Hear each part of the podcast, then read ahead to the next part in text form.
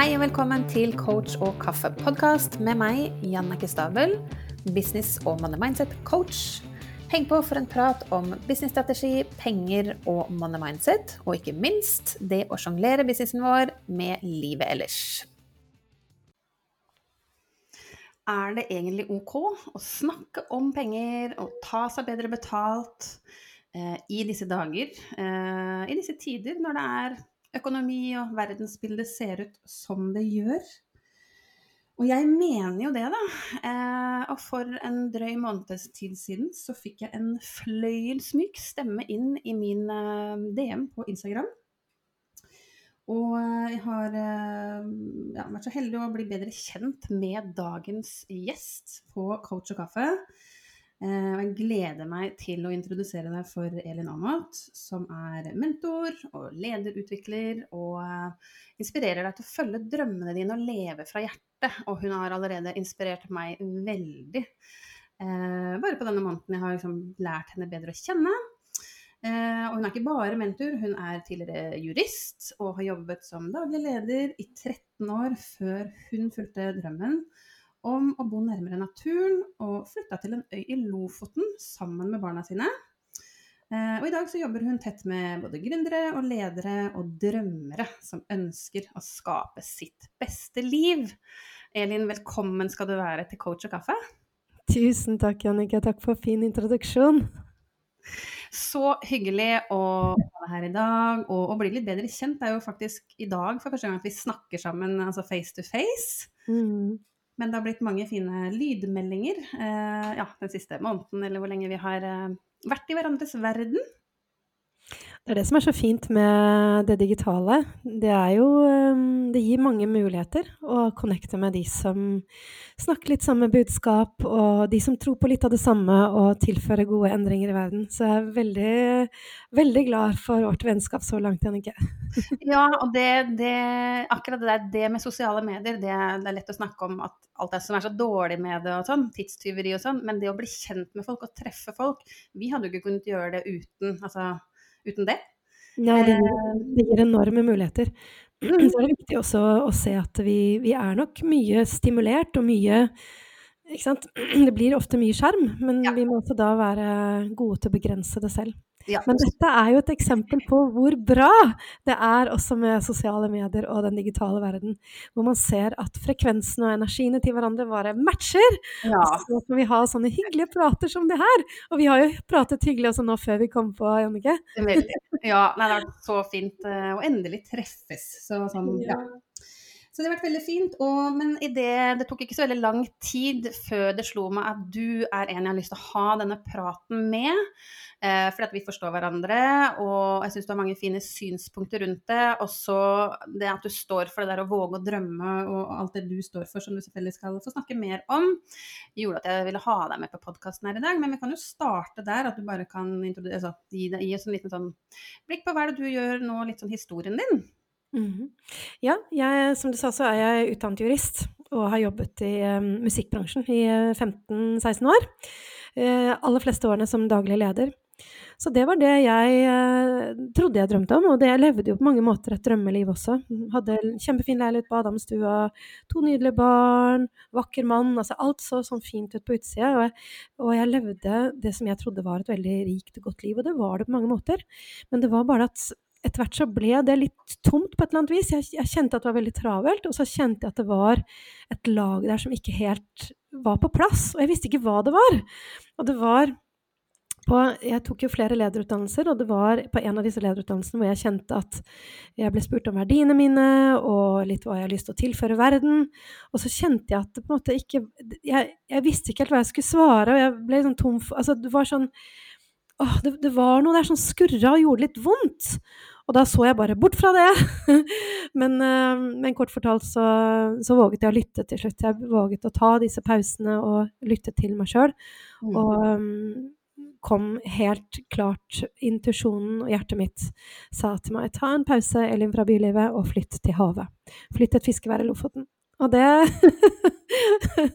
var i 2018, ganske lenge siden. 2017 kom dette opp da i meg. Og jeg bare nei, det kan jeg ikke gjøre. Jeg kjenner jo ingen i Lofoten, hadde jo aldri vært nord for Trondheim.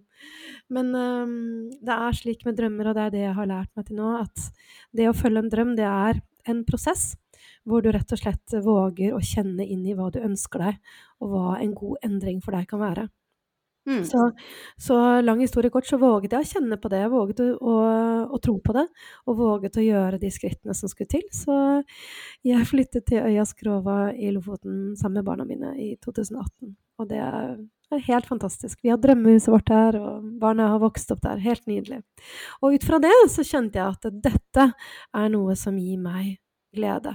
Det å kunne få lov å leve mitt liv, hele meg, bruke hele meg, og også jobbe fritt, jobbe fra hvor jeg vil, eh, være fri i min hverdag, og ikke minst inspirere andre til å ta sine friheter, sette seg selv fri.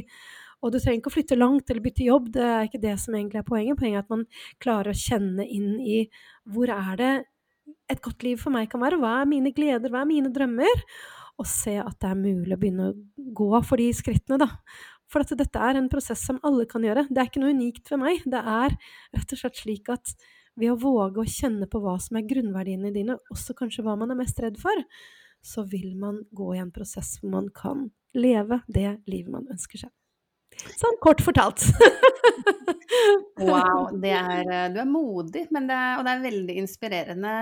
Også, ja, det, det er finurlig. Altså, vi har jo noen fellesnevnere her. Eh, jeg kjenner meg veldig godt igjen eh, i det, mye av det du sier, men jeg gleder meg til å dypdykke litt i, i dette her eh, i denne episoden med deg. Men jeg har lyst, før vi da går inn i det å, å lytte og, og, drømme og sånn, eh, for det har noe med å koble på at den, altså du som sitter og hører på nå, at du faktisk klarer å åpne opp og tørre å begynne å gjøre det. Fordi, som jeg sa litt sånn innledningsvis, så er det Jeg har eh, opplevd mye i det siste motstand rundt det der å, å skulle fokusere på seg selv, eh, eller å, å, snakke om penger, som kanskje er ikke nødvendigvis linka på, men det er jo en sånn Penger spiller jo en rolle i det å drømme, selv om det kanskje ikke er liksom, det som ligger i bunnen. Så, så du har flytta dit, hvordan funka det for deg og jobb og alle sånne ting.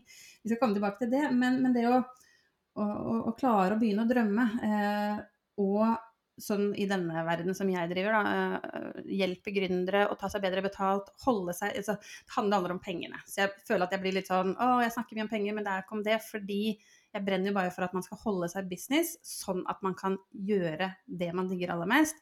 Jobbe med de man liker å jobbe med, hjelpe der man kan. Og da er vi nødt til å tjene penger. Um, så la oss bare starte der, fordi ja, det er eh, trykk på økonomien. Eh, det er mye i mediene om det der at vi har dårligere råd. Eh, og det er en konflikt, eller flere konflikter, det har det vært så lenge jeg har levd, på en måte, men noe blir kanskje mer nært og mer brutalt, kanskje. Eh, så la oss bare starte litt der, sånn at vi får på det der er, er det OK å snakke om penger i disse tider?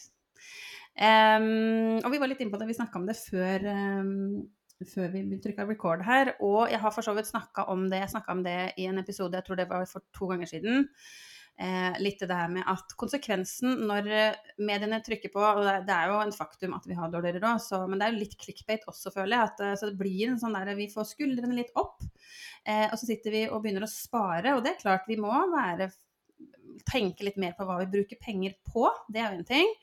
Eh, men jeg snakka om i den episoden at det går utover Eh, den lokale butikken i Kragerø, og sikkert i Lofoten også, når alle vi sitter hjemme og ikke går ut og spiser, eller ikke sant. Så det å holde litt hjulene i gang.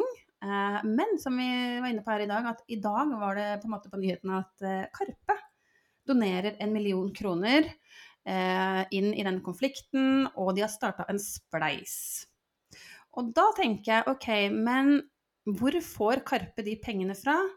Eh, jo, vi går på konserter. Så hvis Karpe hadde sagt eh, For det har vært konflikter så lenge de har holdt konserter. Så hvis de skulle sagt at men er, hvem er vi til å stå og ha det gøy og være på konsert når det, folk lider andre steder i verden? Eh, så det er en sånn tosidig greie. Jeg tror det handler om at eh, Eller hva tror du, Elin? Men det der å Um, det, man er ikke en dårlig person fordi at man kanskje nå mot jul da, går ut og koser seg, går på en julekonsert eh, osv. Det betyr jo ikke at man ikke bryr seg om pågående konflikter, f.eks. Um, og vi kan jo ikke vi kan ikke sette hele livet vårt på hold fordi at de andre steder i verden så skjer det noe. Det er så viktig at vi ja, ikke setter livet vårt på hold, med, og vi skal inn i dette her og drømme, men, men spesifikt inn i det å drive en business og, og, og liksom, ta seg betalt, og kanskje ta seg bedre betalt. At man ikke skal kjenne på en skam og frykt og usikkerhet rundt det. At, at ikke man skal ha noe skyldfølelse, da. Eh, og nå, Det er lett å si at vi får ikke gjort noe med det. Jo, nå kan du faktisk. Jeg tror jeg skal finne den spleisen og linke til denne episoden. Mm, jeg gjør det. Jeg ble så glad da jeg så det. Det er så, det er så godt eksempel på at uh, det er viktig at vi alle skinner lyset vårt sterkt mm. for å kunne gjøre endringer i verden.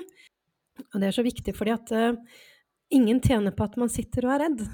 Uh, men jeg vil bare si til de som hører på, at kjenner du at du er redd, så er det også helt i orden.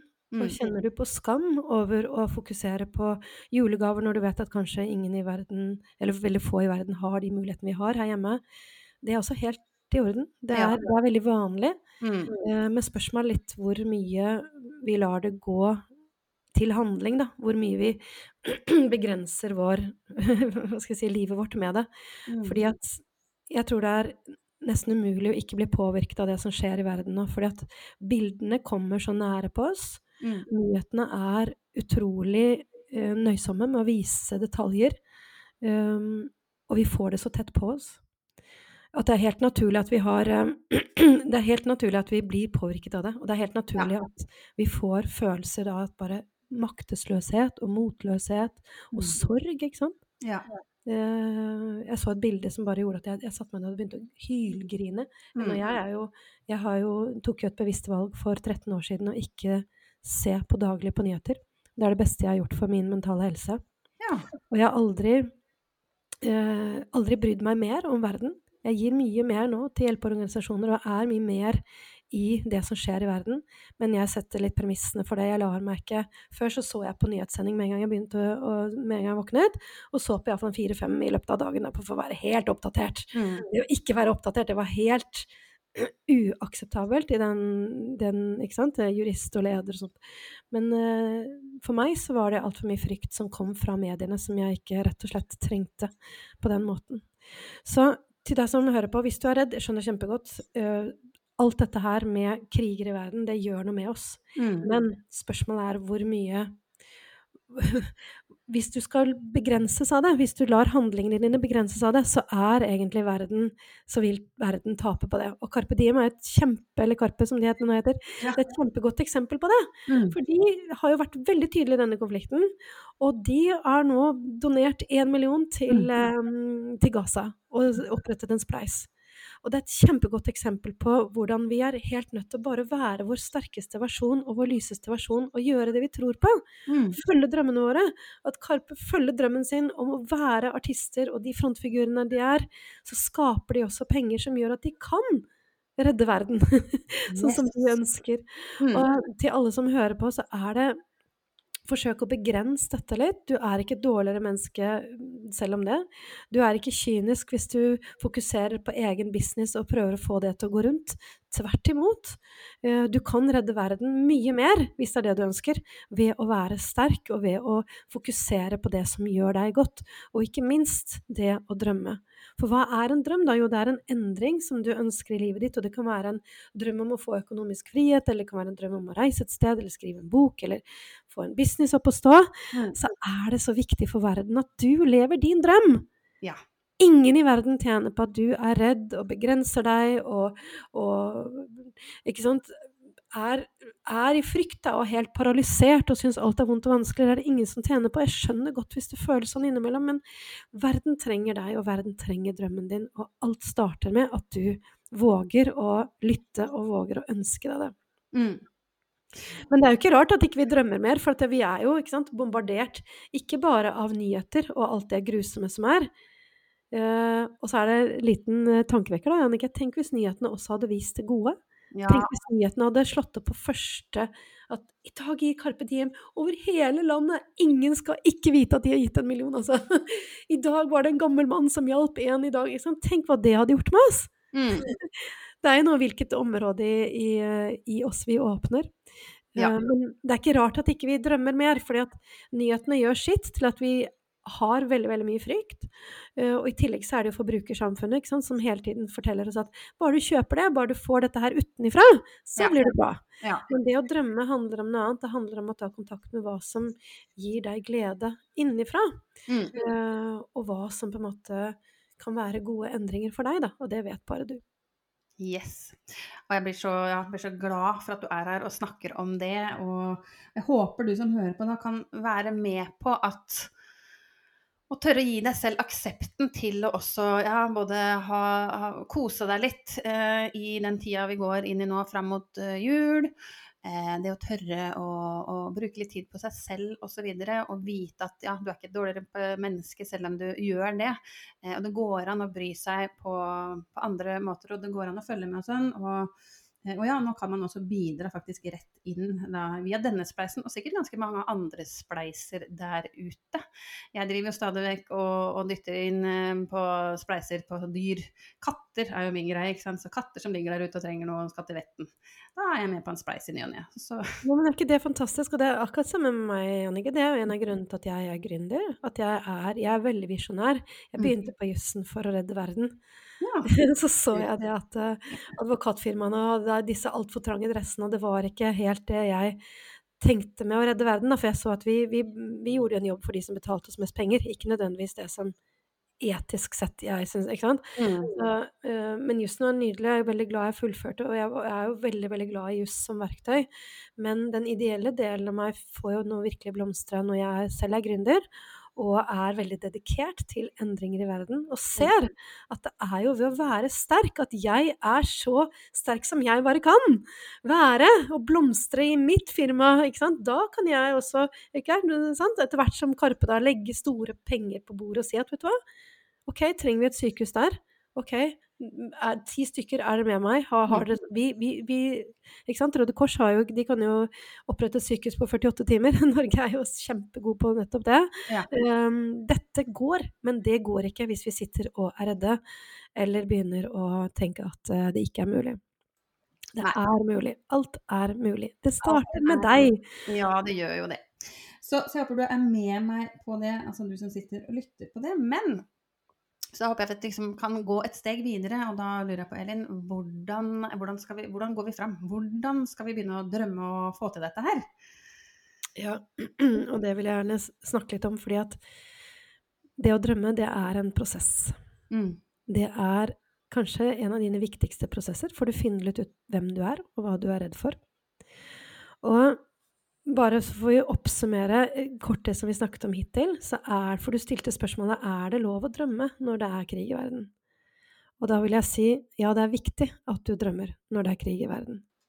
For du kan ikke vente med at verden er i ro, eller at det ikke er krig noe sted, før du begynner å drømme, for da er det store fare for at livet ditt går, og så får du ikke det livet som du virkelig ønsker deg. Så ikke sitt og vent på at noe rundt deg skal fikse seg, eller at det skal være fred overalt. Bestem deg for å ta eierskap i ditt liv, og 100% ansvar. Det er kjempeviktig. Men hvis man er der, da, at man har lyst til å gjøre det, og kjenner at jo da, jeg er nysgjerrig på dette her, og kjenner at hm, lyst til å høre nå hvordan man kan begynne å følge drømmene sine, så vil jeg si at det starter med det første veldig viktige skrittet, og det og det, det høres så veldig sånn enkelt ut, men det er rett og slett det å begynne å, å drømme. Begynne å altså bestemme seg for det. Mm. At jeg, det ønsker jeg.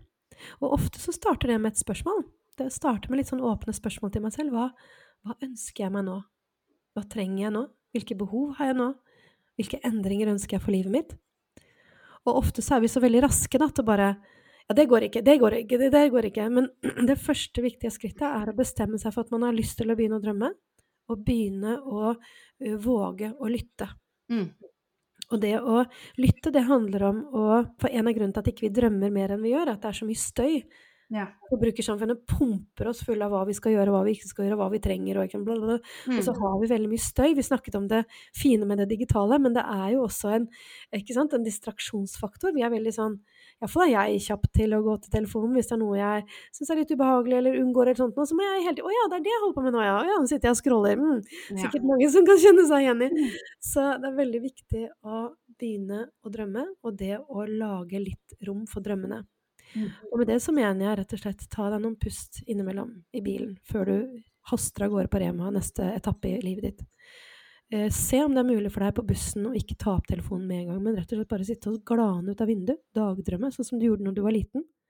Se at det er mulig å bare sitte og kikke litt og glane litt, rett og slett. Se om det er mulig for deg å skape noen små mellomrom, og vær veldig ærlig med deg selv på hva som eventuelt hindrer deg i det. Det som hindret meg i det, var uro, og at det var litt sånn ubehagelig å ikke være distrahert hele tiden. Og kanskje er det sånn for deg også som hører på at det, at det er litt sånn ubehagelig å sitte og se ut av vinduet på bussen, ikke sant, istedenfor å gå ned på telefonen og måtte gjøre noe. Nei, kanskje fem-seks minutter er, om dagen er det som er godt for deg, en liten pause. Og kanskje er det da også du kan begynne å få noen små stikkord til hva trenger jeg nå? Hvilke endringer er det jeg har lyst på i livet? Hvordan har jeg det egentlig? Og begynne det etter hvert å skrive det ned. Ha en notatbok kanskje med deg, den Post-it-blokk, hva som helst. Begynne å skrive ned noen ord. Og hvis det er slik for deg, du som lytter, at du kjenner at det er så stort gap mellom hvordan du lever i dag, og det å kunne leve det livet som du på et eller annet sted kanskje ser for deg, da, kan være godt for deg. Det kan også du kjenne som en sånn misunnelse. ikke sant? Du kanskje, kanskje kan se på andre og så bare åh, det høres fint ut. Så vær altså, nysgjerrig på det som kanskje kan føles som en vond følelse, da, misunnelse eller sjalusi, som egentlig er at åh, jeg har lyst på det den andre har. Det er et Det er veldig godt tegn. Det Ja, det er et kjempegodt tegn. Det er Mm. så verdifull informasjon. Ja. Begynn allerede nå å kode om den informasjonen i deg. Det er ikke noe det negativt. Bare å, takk for disse drømmefrøene, som jeg kaller det. Mm. Takk for dette her. Kan du sette det ned som stikkord? Hva er det hun gjør? Hvilken måte er det hun som du syns er fin? Og så tar du direkte eierskap til det og sier hvordan kan jeg skaffe mer av det i mitt liv? Den Mm. følelsen, den opplevelsen, et eller annet. Men det starter der. Det starter med at vi våger å drømme, Mm. at vi begynner å lytte, og at vi er ærlige med oss selv på gjør vi det, eller gjør vi det ikke. Og det er ofte litt sånn ubehagelige spørsmål om hvordan har jeg det, ikke sant.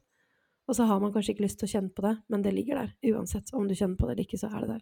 Så jeg Mm. vil bare si til deg som hører på, at våg å stå i det ubehaget. Det vil gi seg, tro meg. Eh, Det vil eh, stilne. Det er et behov inni deg om å bli lyttet til. Og jeg mener at det er veldig nært knyttet til sjelen din og hjertet ditt. Mm. Og du trenger ikke å tro på sjel, men uh, du kan se på forskning av det som går på hjertet. Og vi har så stor intelligens i hjertet vårt. Vi sanser mye mer med hjertet vårt enn det vi skjønner. Og hjertet sender langt flere signaler opp til hjernen enn det hjernen sender ned til hjertet. Så vi, vi er sansende veser i hjertet, og det kjenner vi jo, ikke sant? Mm. Når vi hører på musikk, eksempel, så bare treffer det oss i hjertet, og du begynner å grine og sitter her på julekonsert, og du skjønner ikke hvorfor, men det er hjertet ditt, det er følelsene. Mm.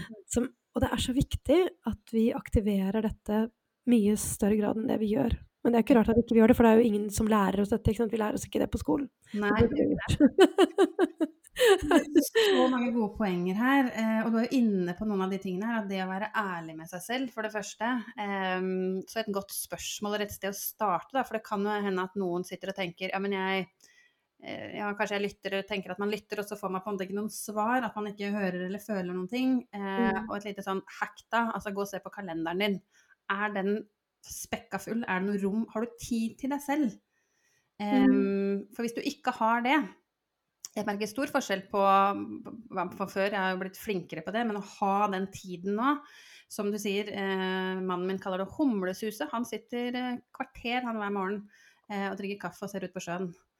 Eh, og bare Helt fantastisk. Ja. Og menn er ofte veldig mye flinkere enn oss damer til å sitte sånn og, og fundere litt. ja. Eh, og jeg kaller det blåtimeundring. ja. Eh, blåtimen det er noe som virkelig lader meg opp innenfra.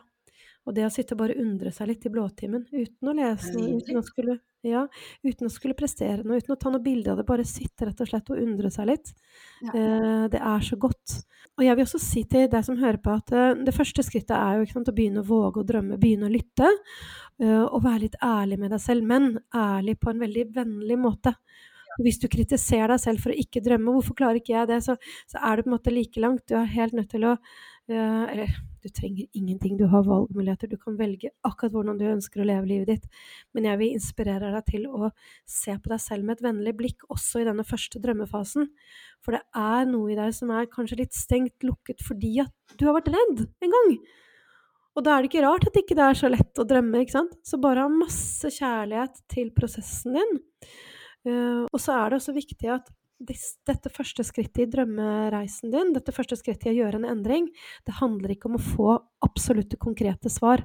Det handler rett og slett om å stille gode, åpne spørsmål med vennlighet. Og det er så viktig. For at hjernen din er helt fantastisk, men den blir ofte satt på sånne oppgaver så 'Hvorfor skjer dette meg? Jeg vil ikke ha dette.' Da får du jo mer av det. ikke sant? Hvis du mm. begynner å stille gode spørsmål til hjernen din som at hva, hva, ønsker jeg nå? Hvilke gode endringer kan jeg gjøre for meg selv nå? Hva trenger jeg nå? Mm. Hva er det beste som kan være? Så vil hjernen din begynne å finne de svarene. Kanskje ikke med en gang, og særlig hvis du også har veldig tett på karen, så er det litt vanskelig for hjertet ditt å snakke, for den hjertestemmen er gjerne kanskje litt lav, da. Den derre mm. fryktstemmen er jo veldig høy.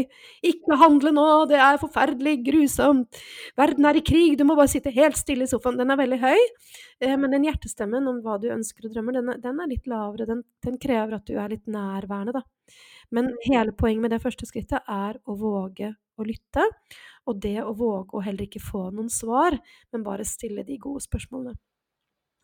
Og fra det så er det jo veldig viktig å, å øve på å drømme. Rett og slett gjøre den øvelsen litt innimellom. Mm. Og jeg vil si at hvis ikke du har mellom fem-seks minutter om dagen til bare litt sånn deg sjøl, så ville jeg virkelig revurdert hvordan du lever, for det, det, er så viktig å ha.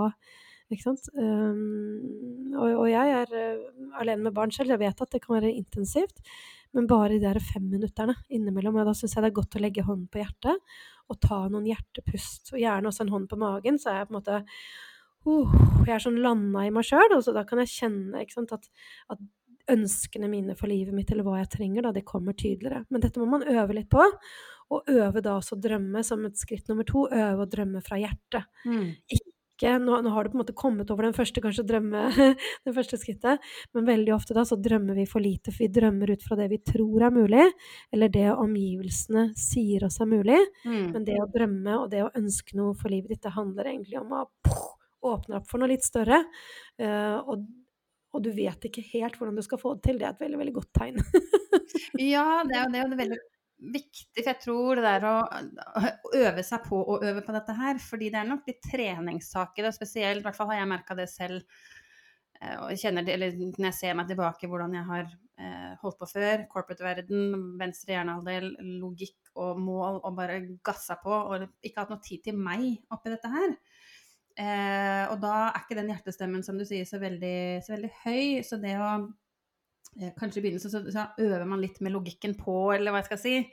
Eh, så det å, å, gjøre det noen ganger, og kanskje på en måte skyve litt unna de overflatetankene som kommer først, for det er gjerne logikken, og det er andres mm. synspunkter og sånn, og, og, og, mm. og, fortsette å gjøre det. Eh, og se hva som dukker opp da. Mm. da ja. Det er nettopp den. Man må rett og slett bare dedikere seg litt til å, til å være litt nysgjerrig på seg selv. Da. Mm. Og, og, være litt nysgjerrig og observant med seg selv. Og kjenne også at når du er kanskje på det skritt nummer to, da, eh, og om at du øver deg på å drømme, så er det viktig å, å gjøre med sånn nysgjerrighet, og også velge det ukjente litt. Velge å våge å sette opp at åh, det kunne vært utrolig kult å gå på det dansekurset. Ja, hva slags dansekurs? Og så kommer hodet sånn Hva slags dansekurs da? Hvordan skal du ha råd til det? Hvordan skal du ha tid til det? Da kommer liksom alle de der begrensningene. Men våge å drømme fra det hjertestedet i deg, som er mulighetsstedet, der alt er mulig. Altså, ok, nei, jeg trenger ikke å vite hvordan jeg skal få tid eller penger, jeg trenger bare å vite hva. Og det er veldig viktig bestemme deg for hva, og disse kjenne hmm. Da er vi over i uh, skritt nummer tre, det å få litt klarhet fra du da sant, åpner opp for å drømme og, og kjenner at du kan drømme fra et godt sted i deg, nemlig ikke fra begrensninger, men ut fra hva du virkelig ønsker deg. Ikke hva andre forventer, men hva du har lyst til så er det veldig viktig også som et skritt nummer tre å få klarhet Uh, og da begynne å skrive ned kanskje litt hva er det mm, Dansekurs, er det det? Er det en annen jobb? Er det et bedre forhold til mannen min? Hvordan funker økonomien min? Begynne å være litt konkret, da. Mm. Eh, og se at drømmen din er som et fyrtårn. Det er som et kompass. Noe du styrer etter. Og veldig ofte så møter jeg folk som ønsker mer frihet eller mer glede, og det er helt fantastisk, for det er gjerne de følelsene som ligger til grunn for, for drømmene våre. Men hva betyr frihet for deg? Og frihet for meg nå betyr noe annet enn det det betydde for tre år siden, som betydde noe annet for seks år siden. Dette er jo helt dynamisk. Ja. Men våge å være konkret på hva er det du drømmer om? Mm. Og, kanskje, og jeg møter mange som sier åh, jeg kunne ønske at jeg hadde en kjæreste, men tør ikke helt å si det, for jeg er liksom redd for at det ikke skal skje. Ja, det er kjempenaturlig å være redd for å drømme ut av frykt for å feile. For det er ikke økonomi eller krig i verden som oftest uh, begrenser vår evne til å drømme eller leve det livet vi ønsker oss. Det er frykten vår for å feile, mm. og så er det frykten for å bli avvist, eller frykten for å mislykkes, frykten for å ikke være en del av flokken. Altså disse helt grunnleggende fryktene våre. Mm. Og de fryktene forsterkes jo da, ikke sant, hvis man ser mye på nyhetene og er mye sammen med mennesker og sier nei, nei, det er ikke mulig, og nei, hvordan skal du få til det, ikke sant. Så det er så veldig viktig i den første drømmefasen her at man omgir seg, iallfall når du deler det du drømmer om, med noen som du vet enten følger drømmene i sitt eget liv og har åpnet det området i seg, mm. eller sånn uforbeholdent alltid bare heier på deg. Ja. Og det merker man litt i måten de stiller spørsmål med, ikke sant? Om de egentlig er litt sånn misunnelige på at du nå begynner å leve på noe annet, eller om Ja. Mm. Du skjønner. Ja, veldig godt poeng. Og, og, litt det der at gjør dette her på en måte i riktig rekkefølge. Følg de stegene. For det kan hende at du sitter nå og prøver å tenke rett i hva det er jeg vil, eller klarheten eller noe. Men nå har du kanskje ikke eh, liksom, begynt å lytte innover ennå, så gjør, ta, gjør, disse stegene. Gjør det, gjør det, yes. gjør det. yes. Og vet du, jeg skal love deg, selv om kanskje ikke, kanskje ikke, drøm er noe som appellerer til deg i det hele tatt, kanskje drøm er for det er bare sånn American dream, marshmallows, pink Kanskje ikke du tenker at det er noe som gjelder for deg, men en drøm er en endring. Du kan også kalle det et mål, du kan kalle det hva som helst. Men det handler om at inni deg så bor det noe som vil kanskje leve på en litt annen måte. og, og, hvis ikke det gjør det, eh, så vil jeg bare si gratulerer. Da tilhører du noen få prosent som faktisk lever potensialet sitt, og som lever fullt i tråd med den, den de ønsker å være. Mm. Men selv de vil jo alltid ha en nysgjerrighet på hm, hvordan kan jeg gi meg selv litt mer frihet? Hvordan kan jeg sette meg selv litt mer fri her? Så vær så supernysgjerrig. Ikke forstå deg selv for fort, men rett og slett bare gi deg selv mellomrom til å reflektere litt om deg. For uansett om du skal bruke denne refleksjonen til å faktisk føle For vi kommer jo snart over i handling, ikke sant? Mm. For selvinnsikt og, og drøm er ikke nok. Du skal alltid igjen mot en handling, en atferdsendring, for å oppnå. Um, uansett så vil den innsikten gi deg enormt mye. Fordi det som gjør at vi begrenser oss i drømmene våre, det er ofte også det som begrenser oss i vår evne til å motta kjærlighet fra partneren vår, vår evne til å ha det godt i relasjonene våre. Mm. Ha det bra på jobben. Altså det, alt henger sammen med alt. Alt henger sammen med alt. Akkurat det hadde på tunga, ja. Ja, det er litt sånn, og det er litt uh, grunnen til at denne podkasten finnes også. Det er eh, coach-delen, altså det vi gjør på jobb, og kaffedelen. Resten av livet, alt henger sammen. Man må ha det bra på jobb for at livet ellers skal funke, og vice versa. Så ja, det er så viktig. Uh, dette her. Mm, og det er så fint med deg, Annike, for du og jeg har jo blitt litt kjent nå. Og vi begge to er veldig glad i å være helt ærlige og sårbare. Og det er så viktig også, for at det, når man ser på ikke sant? type online business da, på Instagram, og alle skal være sånn sterke og bra, og brr, brr, masse bilder av alt vi gjør som er bra. Men det er så viktig å vite at all, bak der så er det et, alle mennesker har sine sårbarheter. Mm. Alle mennesker har sine ting som de, som de, ønsker å utvikle. Og jeg har mine mentorer, selv om jeg er mentor selv, og, og veileder andre i endringer. Mm. Jeg veileder både ledere, toppledere, gründere i endringer. Nå sine drømmer, nå sine mål. Mm. Få fram sitt potensial, være nysgjerrig. ikke sant? Dette er jeg god på. Men jeg trenger også de som gjør det samme for meg. Mm. Og det er så veldig viktig også at vi skal ingen steder. Det er ikke sånn at det, uh, Og det er veldig viktig også, uh, som en del av det å følge drømmene sine, det er veldig viktig å kjenne at du kan ha det godt her og nå. Mm. At ikke livet ditt skal være sånn å, når jeg kommer til drømmen min, da skal det bli fint! Da skal alt løse seg. Mm. Da, når jeg flytter på en øy i Lofoten, da skal det bli fint. For jeg hadde jo med meg, uansett hvor jeg bor hen, mm. Mine mønstre var jo med opp til Lofoten.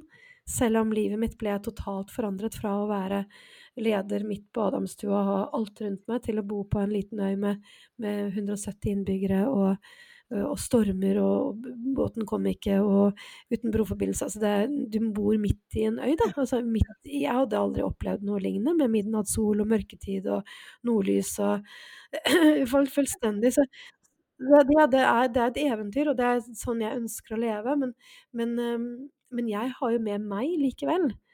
Og det er så viktig at du som hører på, ikke tenker at livet ditt skal på en måte bli fiksa når du har nådd drømmen din.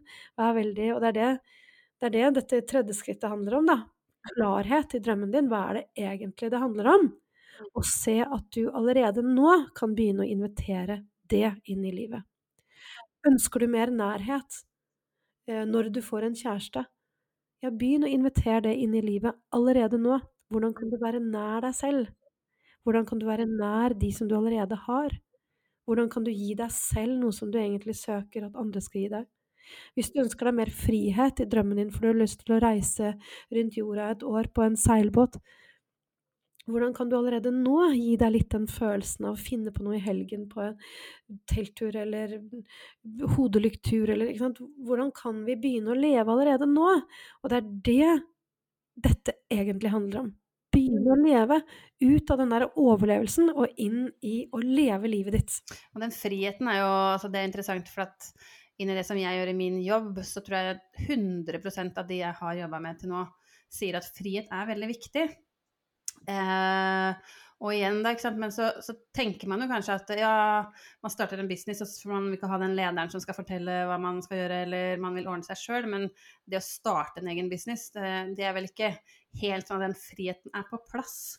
Eh, og det er litt det jeg brenner for, da. At, man, at vi Hvordan skal vi skape den friheten? Jo, bl.a. ved at vi tar oss godt nok betalt, sånn at vi kan fortsette å drive den businessen. Det gjør oss godt. Vi føler oss bra, eh, og vi kan sant, ta det videre Eh, inn i hvordan, hvordan, det ser ut for hver enkelt, altså inn i livet. Men, men, det å ha det bra på jobb har så mye å si for hvordan du er rundt middagsbordet.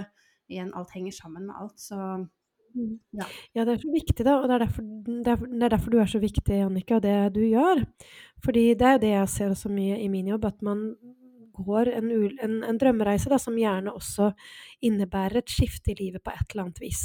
Og Eh, jeg mener jo fullt og helt at man trenger ikke en million for å følge en drøm. Man trenger dedikasjon, man trenger 20 minutter om dagen, man trenger fokus. Mm. Begynn å gjøre det du kan allerede nå for å følge drømmen din. Ikke vent på at økonomien skal bli stabil, mm. for det, det, kommer ikke til å skje noen gang. Det er, eller, det er, veldig veldig sjelden. Og det, uansett er det å begynne i en feil ende. Du må begynne med de ressursene du har akkurat nå. Mm. Og ressursen din tid, det er en ubegrenset ressurs, for den får vi ny hver eneste dag. Mm. Så slutt å si til deg selv at ikke det er tid. Det er masse tid. Tid er det det er nok av. Tid vet du at du får hver eneste dag, helt til det ikke på en måte er mer tid. enn det er derfor det er viktig at du lever hver dag. Ja. Så tid er en ressurs i livet ditt. Bruk den vist, og bruk den klokt. Istedenfor 20 minutter på nyhetene, tenk hva det hadde gjort for livet ditt. Du hadde brukt 20 minutter til drømmen din. Hva nå enn drømmen din er. Drømmen din er å kunne bake hjemmelagde kaker. Ja, søk oppskrifter. Hvem er det som gjør det samme? Begynn å ta kontakt med de som gjør det samme. Drømmen din er å skrive bok. Begynn å gjøre research. Sett noen. Gå en tur. Drømmen min er å få mer glede. Sett på en podkast som du kjenner at du kan inspirere seg. Begynn å skrive en liste for deg selv om hva som gjør deg glad Det er så viktig, for at vi lar oss ofte litt sånn overvelde av livet da, og våre egne mønstre. Siden det er så vanskelig, så ble det ikke denne, dette året heller. Så ble det ikke og så lever vi litt sånn på Vi lever litt på autopilot, og så lever vi litt med håndbrekket på.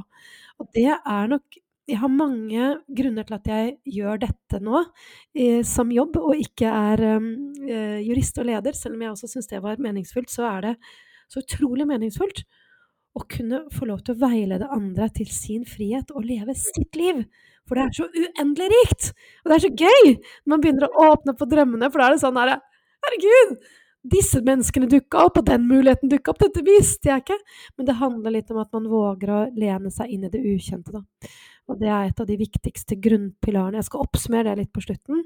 Liksom gode grunnpilarer for å følge drømmene. Men, eh, men eh, var det jeg skulle si, at du er så viktig, Annike, for du eh, jeg tror ikke man trenger en million for å starte. Jeg tror ikke økonomi er på en måte breaking point. Jeg tror ofte at frykten ligger på litt andre ting. Mm. Men selvfølgelig er det en blanding. Men grunnen til at du er viktig, er at økonomi er vi helt avhengig av at flyter godt da, når vi følger drømmen vår også. De kan ikke helt lukke øynene for at det er en faktor. Mm. Uh, og der er min erfaring også at vi tar oss generelt sett for dårlig betalt. Særlig vi som elsker det vi jobber med, for det er nesten too good to be true at man kan ta betalt for å gjøre det man elsker. ikke sant? Uh, så derfor det er det så viktig at du løfter bevisstheten på at penger er viktig, og penger er jo bare en forlenget arm og din energi. Det er jo en, en exchange, det er en innpust, en utpust, så det er på en måte Men ja, jeg selv altså, er jo i dette her. Ja. Eh, så det er Rører seg mye rundt um, penger, og det handler ikke om de pengene, men vi må til syvende og sist ha det inn for at vi skal holde på å gjøre det vi digger og brenner for, da. Ja, for meg så handler penger om selvverd mm. og selvfølelse, og det er der jeg går også i meg selv. Da, når jeg merker på en måte mine blokkeringer våre, så er det alltid på det selvfølelse- og selvverdplanet.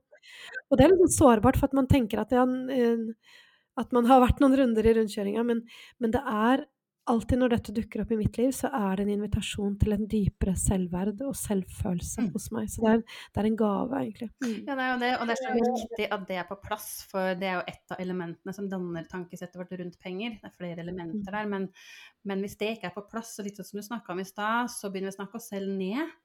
Mm. Eh, og når vi snakker oss selv ned, hva skjer da? Jo, vi trigger dårlige følelser i oss selv.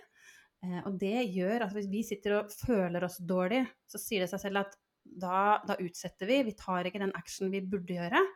Vi gjemmer oss. Ja. Mm. Eh, og da påvirker det på en måte resultatet eller utfallet eh, på slutten der. sånn at hvis man snakker seg selv opp og sitter med gode følelser og, og, og, sitter med god selvfølelse og alt dette her, så er det mye større sjanse for at man tar den action, selv om det er litt mm. skummelt eller noe sånt. Så det, ja, det er så viktig, mm. og det er så stort det temaet her, men eh, ja. Ja, og, det så, og det er, jeg elsker at du gjør det du gjør, Annike, og det var derfor også vi kom i kontakt. For jeg heier så veldig på dere som er tydelige på dette her, da.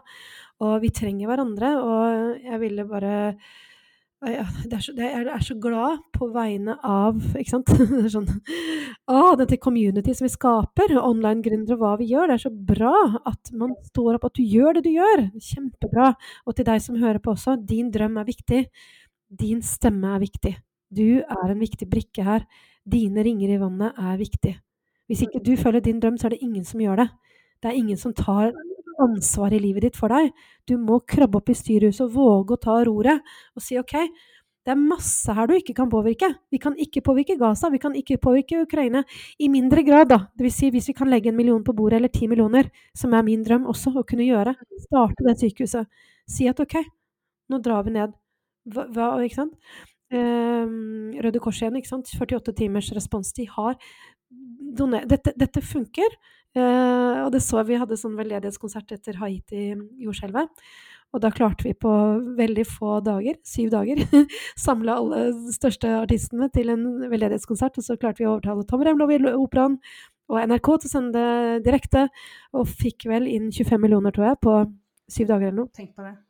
Ikke sant? Det hjelper også, da. Man må bare Det hjelper. Og vi dro til Haiti etterpå sammen med Ole Paus for å filme dette, for å se hvor pengene gikk. Så jeg har sett liksom i første hånd at det er, det er så mulig. Ja. Det er faktisk mulig. Og det er der jeg møter på en måte redde verden i meg, da, som bare Herregud, det er mulig! Dette som vi gjorde. Og vi var en hel gjeng da, ikke sant? som satte i gang dette i musikkbransjen i, i 2010. Um, men det er mulig. Så det er det som er greia, at når, når du har lyst til å gjøre en liten endring, som for deg er viktig, så kan du sette deg i posisjon til å gjøre store endringer i verden. Og, du, og det vil jeg også anbefale som en sånn slags liten eh, treat til deg selv, eller et, et, et, godt tilskudd til ditt hvorfor. Finn den litt større visjonen av hva du har lyst til å gjøre. For det er så godt når vi sitter der i, i, egne blokkeringer med hvor mye jeg kan ta med betalt. Så bare Nei, men jeg skal jo befri de delfinene, jeg skal starte et barnehjem. Mm. Det er så godt av til å løfte fokuset fra seg selv. Da. Ja. Men ja, og da er du godt inne i klarhet, da. Eh, ja. hva, hva, eh, hvor går man videre fra det, da? Jo, fra det å våge å drømme og det å øve på å drømme, og til å få klarhet, se drømmen som en, som en fyrtårn og et fokus, så må vi nå begynne å gjøre det om til en plan. Fordi de tre første skrittene handler om bevisstgjøring på innsida. Og den koster ingenting, den er fullstendig gratis. Så gjør det, gjør det, gjør det! Eh, men gjennomfør det. Eh, skritt nummer fire handler om å lage dette om til en plan. Det handler om å gå fra drøm til virkelighet og våge å brainstorme for deg selv en 10-15-20 skritt som vil ta deg dit. Og du kan du, du, du, er sånn at du ikke aner hvor du skal begynne. Men jeg vil allikevel utfordre deg til å sette opp minst ti skritt. Hva kan du gjøre? Og så er det ofte noen som sier lage hjemmeside. Ja, men det er litt for stort. Bryt det ned. Bilder. Budskap. Hvis du skal bli gründer, da. Eller eh, dansekurs, som jeg sa. Ok, hvilke dansekurs finnes i området her? Hvem har lyst til å gå sammen med meg, kanskje eventuelt? Eh, har du ikke pengene, da kan du ta, eh, ta spørre om du kan gå på en nedbetalingsordning. Kan du betale litt grann i måneden? Altså begynn å sette deg selv i det moduset at du bestemmer, og du finner mange gode handlinger. Mm. Og når du har en hel liste da, med masse gode handlinger, så ser du at det er litt lettere for deg å begynne å ta de skrittene. Og da kjenner du ut Da du, har du din, som jeg pleier å si, da er du din egen gass og brems. Din, e, du er leder i livet ditt.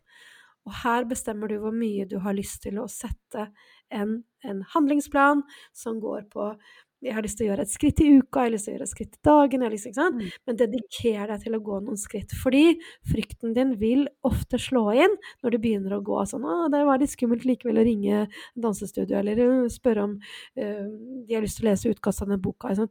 Så bestem deg for å gjøre det, og kjenn også Og dette er jo Egentlig så er dette en helt egen podkast, for det handler om å håndtere sine dypeste frykter. Ikke sant? Eh, og det handler i, bunn og grunn om å, å, være i den følelsen, ikke løpe fra den, men møte den. Uh, men det å lage en plan, en handlingsplan, som vil få deg fra drøm til virkelighet Og den handlingsplanen kan justeres, og den kan fylles på, den kan eh, scrappes ned, men begynn å sette den handlingsplanen. Og skritt nummer fem, begynn å ta de små skrittene. Du aner kanskje ikke hvordan, men du bestemmer deg for at du gjør et bitte lite museskritt. Og jeg skal love deg, hvis det lille museskrittet er å høre på podkaster om det temaet du drømmer om, så er det et kjempestort skritt. Si at du hører på ti minutter om dagen på en podkast som du interesserer deg for, innenfor noe du drømmer om. La oss si at du drømmer om å begynne med interiør, eller få det ryddere hjemme. Ja, kanskje du setter på en podkast ti minutter om, om, rydding eller feng shui, altså hva som helst. Det kanskje kan være et Kanskje hjernen din sier ja, det er ikke godt nok, det er ikke godt nok, jeg skal gjøre alt eller ingenting. For hjernen, ego vil gjerne sånn alt eller ingenting. Nei, du er dedikert. Den er bitte lille Tenk deg liksom hjertet ditt og drømmen din som en sånn liten sånn Det er en sånn liten sånn tromme. Mm. Den lille trommen, den handler om å bare gjøre det lille likevel. Du sitter og ser for deg hva du skal gjøre, så blir det som når man sier det der fjellet du skal over, blir større og større. Helt til du begynner å gå. Og når du begynner å gå, så kan du begynne å samle de bevisene. For at det er ikke så stort likevel, men du, ja, du må bare begynne å gå. Nettopp. Hvordan spiser man en elefant? Jo, det er en bit av gangen. Ja. Og hvordan har alle store oppnåelser skjedd? Enten det er Erling Kagge som sluttet som advokat og gikk over Polen, eller det er Jo, det er med de små skrittene. Det er de små skrittene. Det er ikke den derre eureka. Uh, og sånn var det da jeg flyttet til Lofoten også, at det var jo ikke sant, Jeg kjøpte kart over Lofoten, og så begynte jeg å gjøre litt research. Det er bitte små tingene. Mm. Så klart, Plutselig så står du der på Eller ikke plutselig, men jeg sto der på brygga og gikk på den båten. Mm. Eh, men så ligger det veldig mange små skritt bak, og det er veldig, veldig, veldig, veldig viktig. Ja. Og disse fem skrittene som jeg har snakket litt rundt, det er en veldig god start. Eh, men som noen grunnpilarer så vil jeg si velg det ukjente. Ikke la deg stoppe at ikke du vet. For det er så viktig å velge det ukjente litt sånn bevisst. Mm. Eh, ikke hør på andre i så stor grad, i den første tiden iallfall. For det andre råder ut fra sin situasjon og sin frykt. Mm. Ikke, de er ikke deg. Um, og det å um, kjenne på ubehag, det er ikke noe uh, Som en pilar nummer tre, det er ikke noe tegn på at drømmen din er feil. Det er rett og slett slik at for å følge en drøm eller gjøre en endring, så, så er det ofte litt ukomfortabelt, for det er litt ukjent for deg. Uh, men bestem deg for å gå likevel, og bestem deg for å gjøre det. Det er bare hjernen vår, bare, som vil skru på bremsen fordi at nå begynner du å gjøre noe nytt, og det er ukjent, og det er jo farlig, for da skal du begynne å brenne kalorier. Og hjernen vår vil jo mm. egentlig at vi bare skal spare den energien og de hjerne, eller, ja, kaloriene. Så. Og det vil ofte forbrukersamfunnet også, for hva er forbrukersamfunnets største trussel? Jo, det er jo et fornøyd sinn og noen som følger drømmene sine. ikke sant? I det dypest sett, da, men dette er en annen diskusjon. Ja. Ja, vi kunne sittet der veldig, veldig lenge, kjenner jeg. Jeg kjenner liker så godt å prate med deg, Ja, vet det. Når du begynner å snakke om dette, så kjenner jeg bare sånn her Og så har du veldig mye å si med personligheten din, ikke sant. Om du er veldig nøysom. Noen personligheter bare liker å vite utfallet før man begynner å gå, og det kan vi ikke gjøre. Eh, Det er helt umulig å vite hvordan det går før vi begynner å gå. Ja, eller for å si det på den annen måte, da. Hvis du skal tenke deg til alt som skal skje i livet Mm. ditt, så er det en ganske sånn begrenset livsutholdelse. For at du kan ikke med fantasien din tenke deg ut hva som kommer til å skje. Det vil si, veldig ofte så er det det vi gjør, da. Vi er veldig redde, og så drømmer vi ut fra frykt. Og så Å nei, bare ikke det skjer. Å, bare ikke det skjer. Så, ikke Det er jo manifestering negativt. Mm. Eh, men i forhold til den gode manifesteringen, drømmene og endringene som du ønsker deg, så har du ikke kjangs til å se for deg hvor fint dette kan bli. Du har ikke kjangs! Så du må rett og slett bare åpne opp for det ukjente, men det er en ukjent tilstand for oss. Vi er veldig vant til å vite, og jeg drilla i det på jussen selv. Da. Vite, vite, vite, vite. Hvis ikke jeg vet, så må jeg google, og så må jeg vite. Hvis ikke så er det et tegn på svakhet eller dumhet. Ja. Men det er ikke det. Det å ikke vite er en så viktig tilstand. Mm. Det er jo det. Men, eh, men da kjenner jeg at jeg har lyst til å dra over i, for jeg antar at dette er noe av det du hjelper med, Elin. Eh, Du har et mentorprogram. Eh, Kan du ikke snakke litt om det? Jo, det er jo dette som er min eh, mission in the world. Det er det som er eh, derfor jeg er her. Åpne andre, åpne folk, de som er åpne for det. Åpne for drømmene sine. Åpne opp for sitt beste liv. Og åpne opp for et sterkt, solid indre lederskap. Så ja, det er, jeg elsker det. Fordi at det er så store endringer som skjer når man begynner å gå på den reisen. Så jeg har satt sammen det som jeg mener er et utrolig både innovativt og gøy, da, for det er veldig mye glede i mentorprogrammet. mentorprogrammet. Og mentorprogrammet mitt det heter Hjem. Og det er den følelsen av å være på plass i eget liv. Den følelsen av å ha det godt. Følelsen av Du vet den følelsen man kommer hjem, Mm. så kan man bare være seg sjøl i alle rollene. Og du bare sparker av deg skoa, og du kan være Det er trygt og godt, og du er rolig, og så er du leken, og så drømmer du. Den her følelsen, den er den jeg ønsker å gi. Og dette mentorprogrammet handler om både det å følge drømmene sine, den manifesteringen det er, Mm. som er mye av det jeg har snakket om nå. Eh, Og ikke bare fem skritt, men sant, hele den reisen. Mm. Og så handler det om det indre lederskapet. Hvem må du være for å kunne være den som lever drømmene dine og lever ditt beste liv? Hva, hva er det fryktene dine er, hvor er det hindringene er, hva er det styrkene er, hva er det svakhetene er, hvor, hvor er på en måte verdigrunnlaget, hvem er du? Dette sterke, solide indre lederskapet som vil hjelpe uansett om du er gründer eller leder eller ikke sant. Og så er det denne hjertekontakten som er det kanskje det viktigste, nemlig det å hele tiden koble på hjertet sitt i drømmene. Vi drømmer stort og ubegrenset. I lederskapet. Lede fra hjertet. Hva hadde skjedd med verden hvis flere ledet fra hjertet? Lede fra et sted i forståelse, kjærlighet, empati, omsorg, mot, kraft, istedenfor frykt, skyttergrav, øhm, peke på andre, skyld på, ikke sant? Mm. Så dette er så nydelig, og det er det jeg gjør. Eh, Jeg gjør andre ting også. Jeg gjør foredrag og småkurs og ikke sant, bla, bla. Eh, samarbeid. Men eh, min hovedbeskjeftigelse er hvert halvår så har jeg et mentorprogram. Og det er kull nummer fem som starter nå i, i slutten av januar. Så det er jeg kjempeglad for. Takknemlig for jeg kan få lov til å gjøre den jobben. Og inviterer alle som er nysgjerrig på drømmene sine og indre lederskap, eller hvordan det kan være å leve et hjerte ditt. Eh, Og ta kontakt med meg på Instagram fortrinnsvis. Der finner du det meste informasjon. Elin Aamodt. Noe annet. Enkelt og greit. Ja, det var fint. Jeg likte veldig navnet på det. eh, For det, er jo ett ord som oppsummerer egentlig alt dette. Hjem, innover, deg selv. Ja, så var det det jeg savna sjøl. Jeg hadde så mye av det ytre, og jeg hadde så mange ytre oppnåelser. Men jeg savnet den følelsen av å ha det bra. Og egentlig så handler det om å ha det bra hver dag. Og ikke at livet skal bare være bra, men den der følelsen at det går fint, det går bra. og den savnet jeg så innmari mange år selv. Det, og det er min største glede å kunne få lov til å undervise det her. Sånn, jeg pleier alltid å si hva er det verste som kan skje? Um, og det er den tanken jeg har hatt med meg. Jeg har bodd i flere land. Jeg har jeg har også flytta, flytta til Kragerø, og jeg tenker hvis jeg ikke liker det, så får jeg bare flytte tilbake, eller Det er jo bare å ikke sant? Hva er det verste som kan skje? Alt er ikke så veldig bindende, egentlig. Klart, du flytter jo ikke bare mm, av gårde med barn og familie og sånn, og så har du ikke tenkt gjennom det, men worst case, da. Ikke sant? Mm. Liker man seg ikke Lofoten, nei, men da får man prøve et år, da, og så får man? Ja, ja. Så, Ja, Det er, det er nettopp det det handler om. Og så er det ingenting som er for evig. ikke sant? Og vi er jo nå litt frem og tilbake ute og skal se pappaen sin og familien. Liksom. Men, men jeg er fri. Vi er fri. Vi lever, jeg lever på en helt annen måte. Og det er en enorm glede. Og egentlig så handler jo den hjem-følelsen og denne Både mentorprogrammet og mye av det jeg står for, handler jo om å kunne romme gode følelser. Ha det bra. Og hva handler det om? Jo, det handler også om å romme og ikke ha det så bra.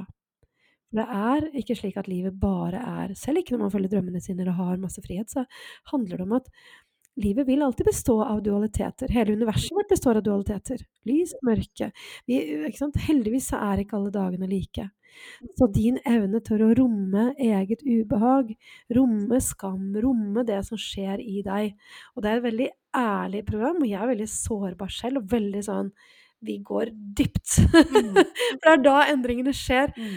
Uh, og det handler også om det å kunne våge å føle på alle følelsene. For da Vi stenger jo ikke hjertet vårt bare for det vonde, vi stenger jo også for det gode. Mm. Så det handler om også å åpne opp for hele spekteret. Wow. Ah! Ja, det er så inspirerende å høre på deg, og jeg håper du som lytter nå har fått mange måte, altså, praktiske steg. Hva kan du gjøre nå? Jeg håper du føler deg inspirert, eh, og at du er litt med på at, eh, at ja, du er et, eh, et godt menneske, selv om du også setter av litt tid til deg selv.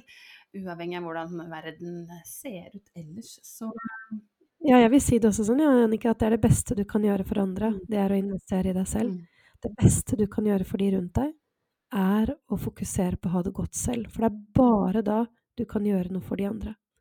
Og det er så misforstått at vi tror det er egoisme, for det handler om det stikk motsatte. Jo bedre du er, det merker jeg jo. Ikke sant? Jeg er mamma, du er mamma. Jo bedre jeg har det, jo bedre har jo gutta det. mm, Jo bedre kan jeg være for venninner. Da har jeg mer å gi. Da er koppen min full. Da kan jeg begynne å Ikke sant? Men når jeg er mm, Så det, det er så misforstått, og denne myten er vi helt nødt til å virkelig eh, kaste på lopphavet for en gang for alle. Altså, for det, det er bare helt misforstått. ja. Og det er det motsatte. Jeg ser eksempler på det hver dag. Mm. Når hun eller han går i seg selv, gjør investeringer eller hva som helst som trengs, gjør det for å ha det godt. Fokuserer på egen glede og, og øh, hva skal jeg si, ekspansjon, da. Mm. Da får alle rundt deg det godt. Ja. Og er du i tvil om dette, så test det ut! Spør de som har gått denne veien, og de de vil si det samme. Dette, dette jeg gjorde som var godt for meg, det var også godt for de rundt. Mm. Kloke ord. Tenker vi runder av med det. Så jeg takker deg som hører på for at du er med her på Coach og kaffe. Og så vil jeg selvfølgelig takke deg, Elin, for en så fantastisk inspirerende og fin eh, prat med deg her i dag. Tusen takk, Jannicke. Vi eh, fikk en kjempefin prat, syns jeg. Håper du som hørte på også, fikk noen gode, konkrete innspill og inspirasjon. Og våg å drømme. Gjør det. Du er viktig. Takk for at du hører på Coach og kaffe. Og hvis du liker det du hører, blir jeg supertakknemlig hvis du kan sette av et lite minutt til å gå inn nå og gi meg en god rating, så flere som deg kan dra nytte av denne podkasten. Og med det så gleder jeg meg til vi høres i neste episode.